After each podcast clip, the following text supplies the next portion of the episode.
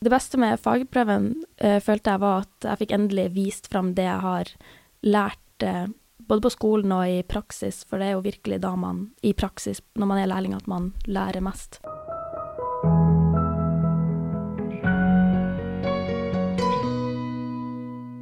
Lurer du på hvordan det oppleves å ha fagprøven? Vel, det skal du få vite om i denne episoden av Lærlingbua.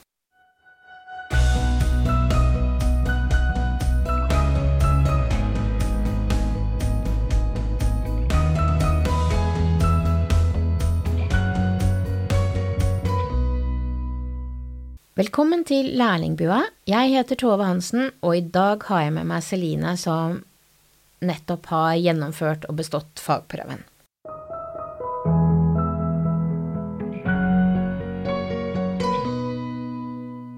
Hei, Celine. Så hyggelig at du kunne komme hit sammen med oss i dag.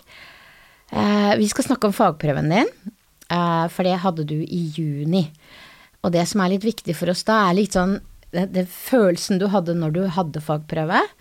Så hva, hva følte du egentlig når du hadde fagprøven? Jeg var ganske nervøs og spent, men jeg var kanskje mest eh, nervøs for den skriftlige delen, og på hvor eh, omfattende den skulle være. Og, men eh, alt i alt så syns jeg det var veldig, veldig greit. Ja, fordi det var tre ganske hektiske dager for deg. Ja. Ja.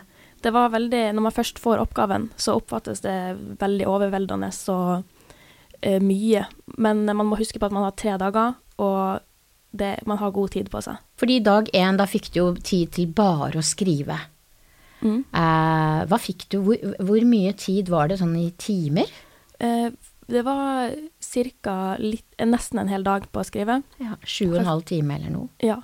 For Ja. først så møtte jeg sensor over Teams, og så fikk jeg oppgaven. Så gikk vi litt gjennom eh, eh, alle spørsmåla, og hvis det var noe jeg lurte på Eller hun leste opp for meg, da. Og så kunne jeg liksom stoppe og spørre litt hvis det var ting som jeg syntes var uklart. Så ja, det syns jeg var veldig greit. Og da begynte jeg å tenke litt med en gang. Mm. Satt du på jobben? Jeg satt hjemme på hybelen min, Ja. men jeg brukte eh, Jeg ringte veilederen min på telefon, og så snakka jeg litt med mammaen min på telefon. Hvis du fikk eh, fagprøven på nytt igjen i dag, ville du gjort noe annerledes i forhold til den skrivinga som var litt eh, utfordrende, eller ikke utfordrende, men intens, da? Ja, Mhm. jeg ville kanskje lest litt mer eh, litteratur og brukt skolebøkene litt uh, mer i forkant. Mm. For jeg merka det ble litt uh, stress med å få inn faglige begreper og, og den biten der, og det er jo ganske viktig. På skrivedagen, hva, hva fikk du bruke av hjelpemidler? Jeg brukte internett, og som jeg sa litt i stad, så snakka jeg litt med veilederen min på telefon. Og, og drøfta litt med henne da, og, og s- med kom med ideer og sånn. Så, for hun kjenner jo gruppa veldig godt også. Så det var greit å ha henne å kunne snakke med. Og så brukte jeg bøkene, da. Så, Mm. Og det er jo kjempegodt å vite at man får lov til å bruke alt av hjelpemidler. Ja. Selv menneskelig Ja, ja, hjelp, ja. liksom. Og jeg Mm. snakka med de rundt meg, og det tror jeg er ganske viktig å, å gjøre. Og spørre om ærlige tilbakemeldinger og ja. Hadde du med deg veilederen din på uh, selve fagprøven? Ja.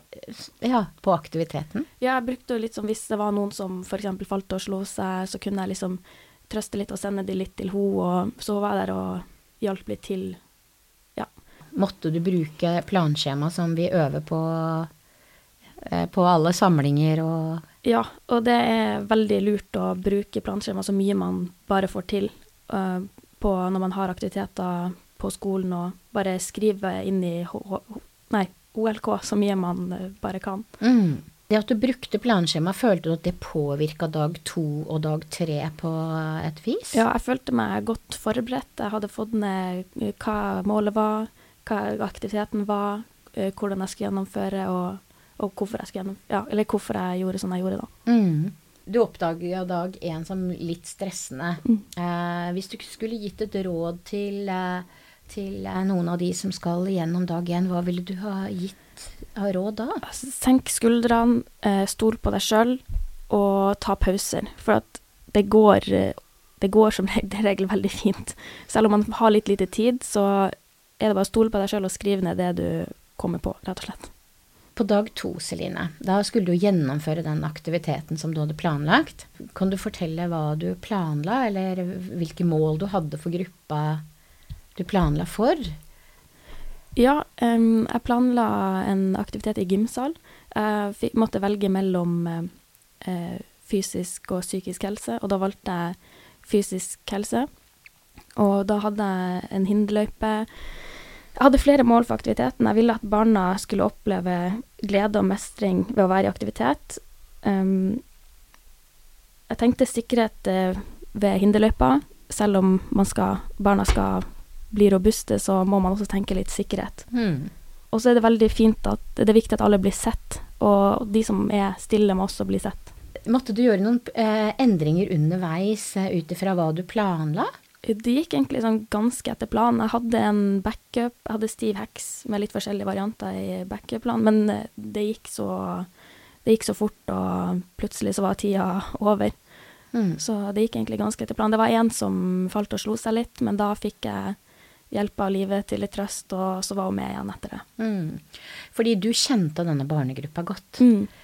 Og det er vel kanskje et godt tips, tenker jeg, det å velge en gruppe som du har en relasjon til, fordi det gjør jo noe med, med hele aktiviteten. Ja. Mm.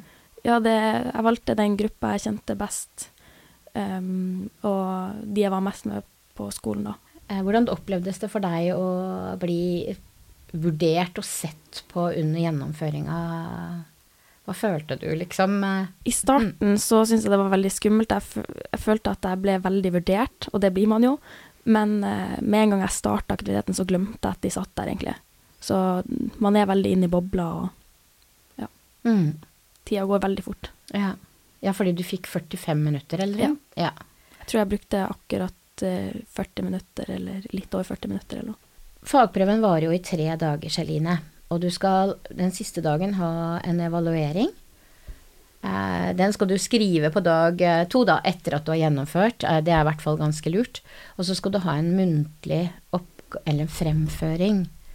Hvordan opplevde du evalueringa og det å dokumentere det du hadde gjort? Jeg opplevde det, det gikk veldig bra. Altså, selve aktiviteten gikk veldig fint. Jeg så barna hadde det gøy. Og det er veldig lett å bli veldig kritisk til seg sjøl, men man må også fokusere på hva som gikk bra. Den muntlige fremføringa den skal vare fem til ti minutter, om et kompetansemål. Og det handla om den aldersgruppa du hadde, du fikk ikke noe overraskende der med en annen gruppe. Aldersgruppe med barn. Nei, på den muntlige delen. Ja. Eh, nei, da fikk jeg om eh, Det, det handler om hygiene. Og da snakka jeg litt om eh, vaskerutiner av leker på AKS, og jeg snakka litt om et eksperiment jeg hadde sett med, sammen med barna, der eh, det var en hel skoleklasse som skulle gjøre et eksperiment der de hadde to brødskiver, og så skulle alle sammen ta på brødskiva før de hadde vaska hendene. Og så skulle de vaske hendene og gjøre det samme med den andre brødskiva. Og så får ungene se med egne øyne hvor stor forskjell det er. Den ene ble jo selvfølgelig kjempemuggen veldig fort, og den andre holdt seg egentlig ganske godt. Så det var litt uh, gøy. Sånn avslutningsvis, Celine. Hvis du skulle gi tre gode råd til lærlingene som skal opp til fagprøven til våren, hva ville du si da? Bruk tid på å finne et godt mål, fordi hele aktiviteten bygger på målet. Pust med magen, og husk at sensor vil deg vel.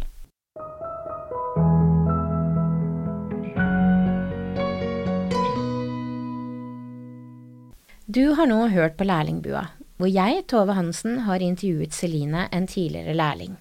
Du finner støttemateriell til denne episoden i OLK. Har du spørsmål eller ideer til nye episoder, ta kontakt. Husk, vi lager denne podkasten for deg som er lærling i Oslo kommune.